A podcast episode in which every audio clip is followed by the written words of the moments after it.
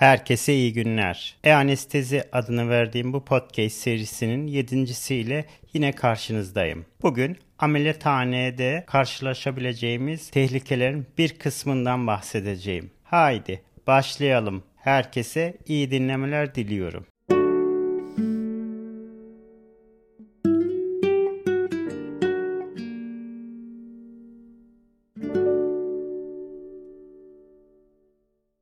Tekrar iyi günler. Bugünkü podcast serimizde anestezide karşılaştığımız bir takım tehlikelerden bahsedeceğiz.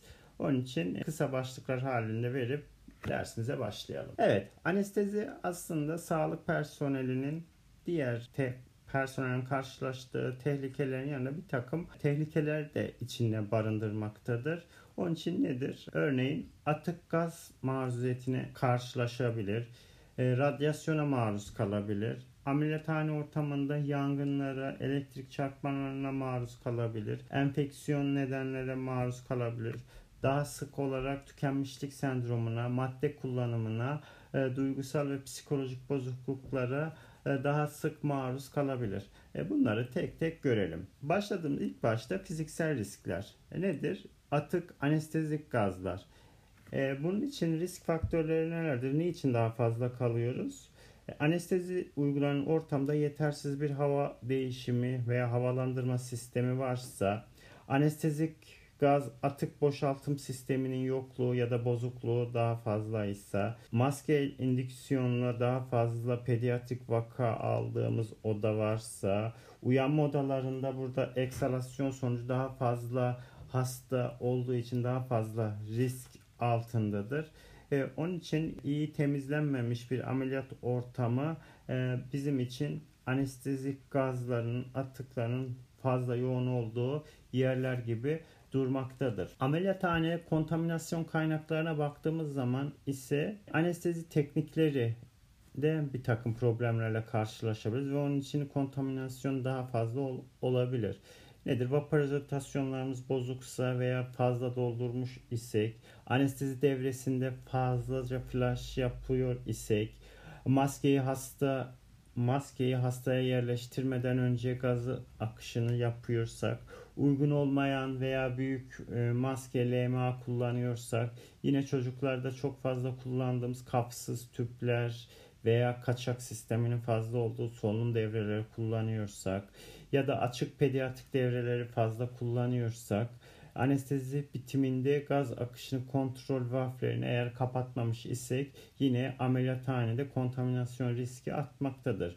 Anestezi makinesine bağlı olarak da daha fazla açık sistem kullanıyor isek hasta imha sistemlerinde eğer bir bozukluk varsa işte borularda veya konnektörlerde bir kaçak varsa gaz tanklarının montajında veya karbondioksit kanisterlerini yerleştirirken bir kaçağımız varsa yine bunlar kontaminasyona risk oluşturmaktadır. Veya bizim dışımızda kriyocerrahide yine bazen kullanılabiliyor anestezik gazlar veya kardiyopulmoner bypass devrelerinde de yine kontaminasyon riski e, fazladır ve buralarda fazla olmaktadır. Diğer bir e, konu başlığımızda kimyasallar. Bunlar e, kimyasalların özellikle tek tek sıralamayacağım ama metil metakrolat açık cerrahi işlemleri kullanılıyor ve bunlar bir takım kişiler üstünde etkiler oluşturmaktadır. Genel başlık olarak baktığımız zaman kimyasallar nedir? Kardiyovasküler komplikasyonlardan hipotansiyon, bradikardi, kardiyak arreste kadar giden vaka bildirimleri olmuş.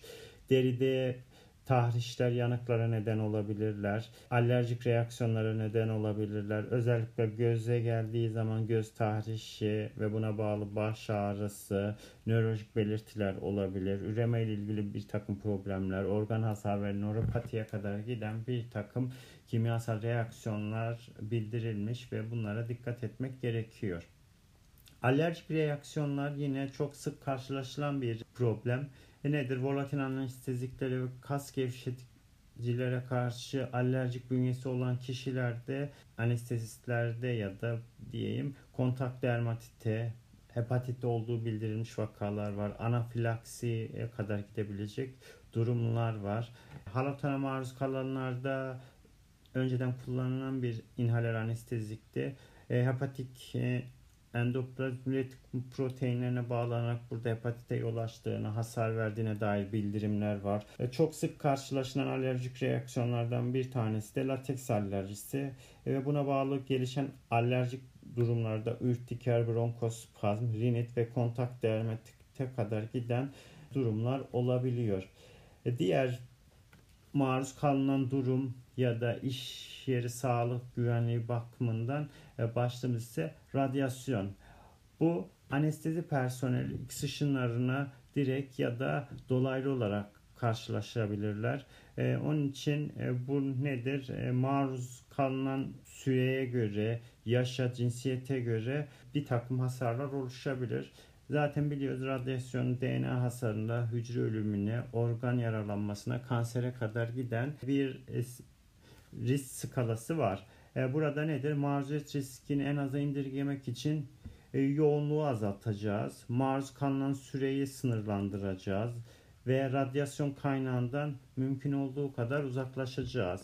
Eğer uzaklaşamıyor isek de e, koruyucu ekipman ve kalkanlar kullanacağız. Ve bunları mümkün olduğu kadar dediğim gibi süreyi azaltarak, mesafeyi uzaklaştırarak koruma yöntemlerini yapmalıyız. Radyasyonun e, diğer bir formu ise e, daha çok e, manyetik alanda oluşan maruziyettir. Ne gibi? MR çekimleri gibi. Buradaki semptom belirtileri ne? Genellikle radyasyonda tarayıcının çalışma arasındaki kuvvetine, tarayıcı olan yakınlığa, manyetik alan içindeki hareket hızına bağlı olarak değişmektedir. Diğer bir etmenimiz ise gürültü kirliliğidir. Gürültü kirliliği aslında güvenli süre standart 90 desibelde 88 saat boyunca çalışmaktır. Bu gürültü her 5 desibellik bir artışta kalınan maruziyet süresini yarıya indirmek gerekiyor. Diyelim ki 95 desibellik bir ortamda çalışıyor iseniz buradaki gün boyu çalışacağınız süre 4 saattir. 100 desibellik bir ortamda çalışıyorsanız 5 artı 5 2 kez artış olduğu için nedir? 4, 2 yani 2 saatlik çalışma süreniz olabilir. Ve maksimum verilen izin de o endüstriyel ortam içinde 115 desibellik bir izin vardır. E, bizim ameliyathane ortamlarına baktığımız zaman Örneğin bir aspiratörün 75-80 desibellik bir çalışma e, ortamındaki çıkardığı ses, aletlerin 75-85 desibel, cerrahi testereler mesela 80-105 desibele kadar çıkmaktadır. E, yapılan araştırmalarda ameliyathanelerinde genellikle 70-75 desibellik bir ortam olduğu görülüyor. Nedir bizim e, gürültü ortamının kirliliğini oluşturan ısıtmalar, klima sesleri, ventilatörler, aspiratörler, hasta ısıtma cihazları, e, müzikler, konuşma sesleri hepsi gürültü kirliliğini artıran etmenler. Bazen bu gürültü hayat öneme sahip ses ve alarmlarında duyulmasını engelleyebiliyor. Onun için önemli bir hale geliyor. Bunlar akut olduğu gibi kronik aşırı gürültüye maruziyet kalındığı zaman da bunlar zamanla işitme kaybına e, kademeli olarak neden olmaktadır ve genellikle bunlar başlangıçta yüksek frekansları genellikle etkilemektedir. Diğer bir risk faktörlerine baktığımız zaman da çalışma ortamının dizaynı ya da bulunduğumuz ortamdaki insanların bulunduğu faktörleri olarak genel bir başlık olarak alırsak nedir? Anestezi ekipmanı sıklıkla eğer bulunduğumuz ortamda diz, kötü dizayn edilmiş ya da bizim ergonomimize uygun konumlandırılmamışsa bizim yine çalışma şeklimizi engelleyebiliyor. Nedir? Anestezi monitörleri mesela anestezinin dikkatini cerrahi alandan ayıracak şekilde yerleştirilmiş olabilir. Yine kötü bir dizayn edilmiş ya da yüksek sesle ayarlanmış alarm sistemleri dikkat dağınıklığa neden olabilir. E, yine çok fazla bir alarm sesi fazlaysa bu gruba yine girebilir. Kişiler arasındaki iletişimleri de bu gruba sokabiliriz. Çünkü yetersiz iletişimsizlik ciddi hatalara, hiyerarşide aksaklıklara, sorumluluk alanlarının çatışmasına, anlaşmazlıklara ve bunun sonucunda güvensiz bir anestezi vermeye kadar gidebilen bir takım problemlere neden olabilir. Onun için kişiler arasındaki ileti, iletişimi de bu insan faktörleri grubuna sokabiliriz. E, fikir ayrılıkları kabul etmek genellikle olabilir fakat bunun bir saygı çerçevesinde olması gerekiyor ve bunun dediğim gibi eğer çok fazla olursa çalışma ortamı çatışma ortamı çıkar ve bu da güvensiz bir ortam oluşturabilir. Yine üretim baskısı yani vakaların fazlaca alımı bu da verimli olma kaygısını güvenli uygulamadan aceleci veya yanlışlıklara sapmaya kadar gidebilen bir takım problemlere de neden olabilir. Bunu da bu gruba sokabiliriz. E diğer bir faktörümüz ise çalışma saatleri ya da e, gece çağrıları gibi nedenler. Uyku uyanıklık aslında bir sirkadiyen ritmin yani insan fizyolojisinin önemli bir durumu. Eğer düzensiz vardiyalar varsa nöbetlerin olduğu, uyku düzeninin olmadığı, bunlar ne yapıyor? Sağlıkta psikolojik, özellikle kardiyovasküler sistemler içeren bir takım rahatsızlıklara zemin hazırlayabiliyor. Uykusuzluk sonucu iş yerine daha fazla hata yapma riski yükseliyor. Anlamada, anlatmada ve iş yapma yeteneğinde ne yapıyor? Azalmalara neden olabiliyor. Özellikle gece çağrılarında uykunun tam alınamadığı için ya da REM, non-REM dönemleri kaçtığı için bölünmelere neden oluyor. Bu da yorgunluklara ve hataya açık hale getiriyor ve çeşitli çalışmalar sonucunda uykusuzluğun zayıflamış bilişsel fonksiyonlarda, bozulmuş kısa dönem hafızalarda ve karar vermede azalma gibi sonuçların olduğu gösterilmiştir. Onun için anestezistlerin çalışma saatleri ve gece çağrıları da çalışma düzenini, fonksiyonu bozan önemli etkenlerden birisidir. Diğer bir e, risk faktörüne baktığımız zaman enfeksiyöz riskler. E, bu da normal sağlık çalışanının bulunduğu riskleri barındırsa da anestezi daha fazladır. E çünkü daha fazla hastayı entübe ederken, ekstübe ederken, solunum fizyoterapisi yaparken daha solunum yoluna daha sık karşılaşılabiliyor. İçin anestezi personeli hastaların, ailelerin ve diğer personel enfeksiyon bulaşma riskine daha fazla maruz kalabilir. Artan antibiyotik kullanımı, artan immünodepresif hastaların ve bunların artan dirençli mikroorganizmaların fırsatçı enfeksiyona neden olmaktadır. Bir de tabii küreselleşmeyle çalıştığınız ortamda başka bir bölgede yaşayan birisinin daha az görülen bir hastanın daha fazla karşılaşma riskiyle e, karşılaşılabilir. Peki anestezistlerin en fazla viral yolla ve solunum yoluyla en sık karşılaşılıyor. Onun için maske mümkün olduğu kadar kullanmak gerekiyor. Ve en önemli koruma yolu da el yıkamadır enfeksiyonlardan korunmanın. E, diğer bir koruma yöntemi hepatit B'ye karşı aşılamadır. HIV gibi kan ve kan yoluyla bulaşanlarda işte bariyer, eldiven kullanma gibi bariyer yöntemleri kullanılabilir. Ama önlemlerin en önemlisi %50'den daha fazlası standart önlemler içerisinde el yıkamadır. E, ve personel koruyucu ekipman, solunum hijyeni, öksürük gibi durumlarda elini tutması ya da maske takması dikkat etmesi gereken bir yöntem olarak gözükmektedir. Kan yoluyla bulaşanlar için e, kana maruziyeti azaltmak gerekiyor uygun e, koruyucu ekipman giyinmek ve bunları tedarik etmek, kullanmak gerekiyor. Hepatit B için yine aşılama dedik. Kan yoluyla bulaşan hastalıklar için özellikle eğitimin de bir koruyucu gibi durmaktadır. Yaralanma ya da iğne batması gibi durumların rapor edilip ona göre önlemlerinin alınması gerekiyor. Diğer bir etken olarak da psikolojik etkiler. E bunlarda da en fazla stres karşımıza çıkmaktadır.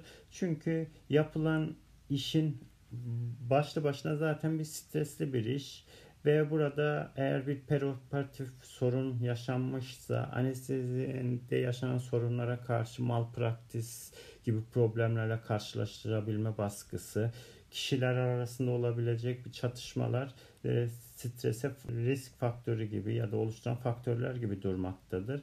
Ve bu stresler sonucu kişide zihinsel ve bedensel sorunlara, kazalara, tükenmişlik sendromuna neden olabilir.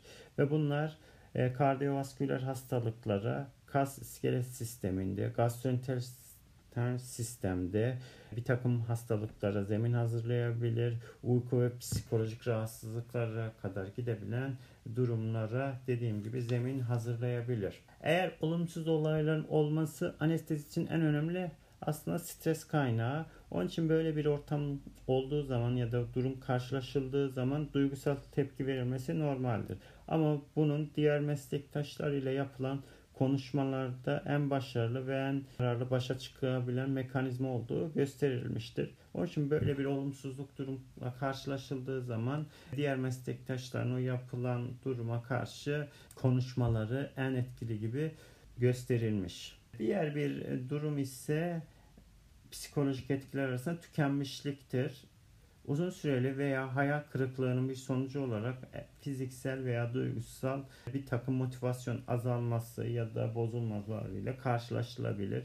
Ve bu tükenmişlik kişiler arasındaki ilişkilerin, işteki alınan tatminin ve işle yaşam arasındaki o döngünün ortadan kalkmasına neden olmaktadır. Ve bunun sonucu olarak da geri çekilme, davranışlarında bir takım de- değişiklikler, duyarsızlaşma ve depresyonla sonuçlanabilen bir takım aşamaları görülebilir. Tükenmişliğin sağlık üzerine etkileri ise e, kardiyovasküler sistemde, kas iskelet sisteminde, psikolojik hastalıklarda ve madde kullanımı gibi durumlara ve hatta bazen de kortizol salınımının ritminin de bozulduğu gösterilmiştir.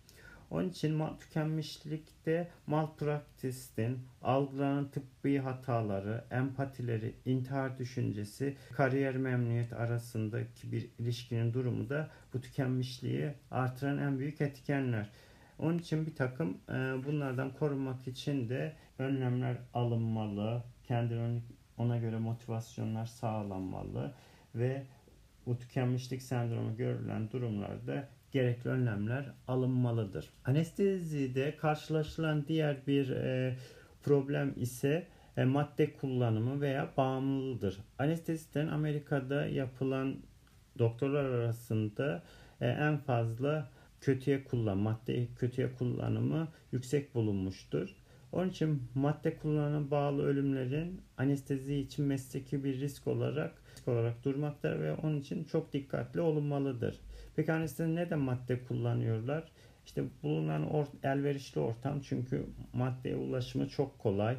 Kullanıma yatkın eğer bir bireysel kişiliği var ise ve genellikle bu stresli ortamda eğlence veya rahatlama amaçlı kullanılıyor. Risk faktörleri olarak dediğim gibi stresli bir çalışma ortamının olması, çevredeki yeni gelmiş çevrede tanıma eksikliği veya motivasyon eksikliği varsa bunu giderme gibi bir durum.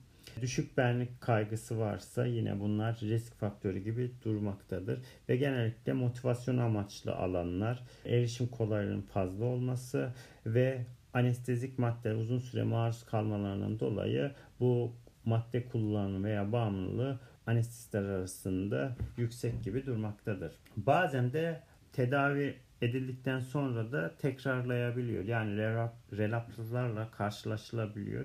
Bunlarda daha çok aile öyküsünde bir bozukluğu varsa, eğer altta yatan bir psikiyatrik bozukluğu varsa, bir de kullanılan o suistimal edilen maddenin cinsine göre bu e, relapslar değişkenlik gösterebilir ama bunların dediğim gibi en fazla aile öyküsü olan, psikiyatrik bozukluğu olan veya kullandığı maddenin cinsine göre değişmektedir. Bir başka durum ise üst yani daha şiddetli bir tedavi alması gereken ya da üst merkezlere gönderilmesi gereken durumlarsa eğer bir aktif hastalığı varsa, şiddetli psikiyatrik bir bozukluğu varsa, uzamış intravenöz madde kullanımı varsa, daha önceden almış tedavi olamamış yani relapslarla giden bir durum varsa ve tedavi almış ama başarısız olunmuşsa yine bunlar bir üst branşa yani psikiyatriye yönlendirilerek tedavi edilmesi gerekiyor. Ee, tabii bu maddeyi kötüye kullanımı önlemek için bunların daha sıkı takip edilmesi gerekiyor ve bunlar için bir takım sistemler geliştirilebilir. sayımların dediğim gibi daha fazla yapılması ya da elektronik eczane denetimleri yapılabilir. Ve en önemlisi de burada madde kullanımı ile ilgili eğitimlerin daha fazla verilmesi gerekiyor. Peki madde kullanan birisinin bağımlı olduğunun bir takım belirtileri olabilir. Anestezi pratiğinde bunu daha çok neyle karşılaşabiliriz? Artan miktarda narkotik durumları imzalayabilir ya da vakada uygun olmayan miktarda narkotik imzalıyor olabilir. Yüksek doz gerektiren vakalar için genellikle gönüllü olurlar.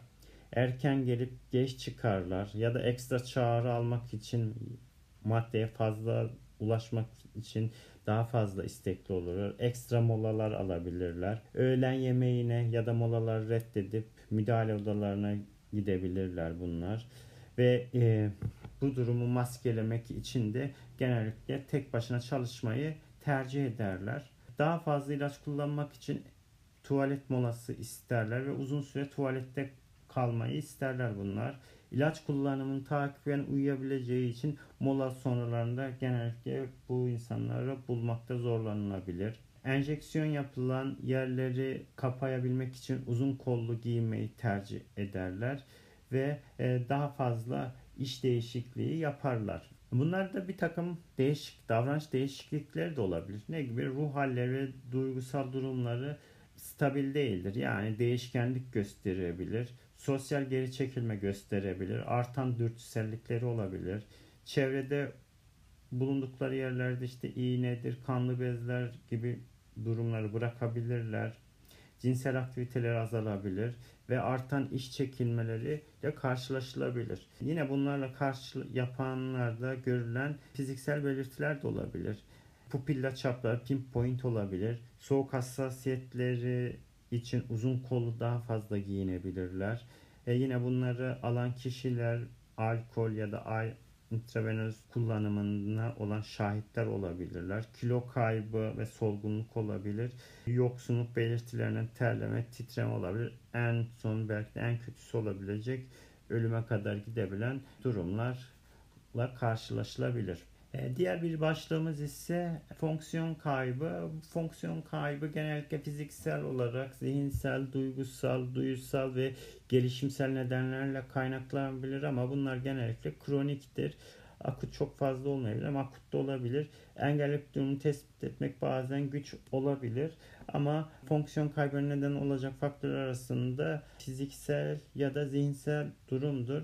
E bunlar nedir? İşte stresli bir ortam ve depresyon da bunların en belirgin bulgusudur. E buradaki risk faktörlerine baktığımız zaman özveri güvensizliği, rekabet gücü, başarılı olma duygusu ve duyguların reddedilmesi gibi bunlar risk faktörler olarak karşımıza çıkmaktadır. E yine bir başka durum ise intihar. E bunlar e dediğim gibi aşırı stres, madde kullanımı gibi aşırı kaygı gibi durumlarda bunlar malpraktis davaları ve soruşturmalarında madde kullanımında bir faktör olduğunu söyleyebiliriz. E, evet, bütün bu söylediklerimden kurtulmak için ya da baş edebilmenin yolu sağlıklı beslenme ve diyetimize dikkat etmeliyiz. Spor ve fitness yapmalıyız. Fiziksel aktiviteler özellikle yürüyüş, koşuyuşlara önem vermeliyiz. Sedanter yaşam tarzımızdan uzaklaşmalıyız. Kötü beslenme ve sigara kullanımından uzaklaşmalıyız ve farkındalığımızı artırmak için e, bir takım yöntemler veya stres azaltıcı yöntemler kullanmamı bizi bu tür durumlardan koruyacaktır. Evet, bugünkü anlatacaklarım bu kadar. İyi günler diliyorum.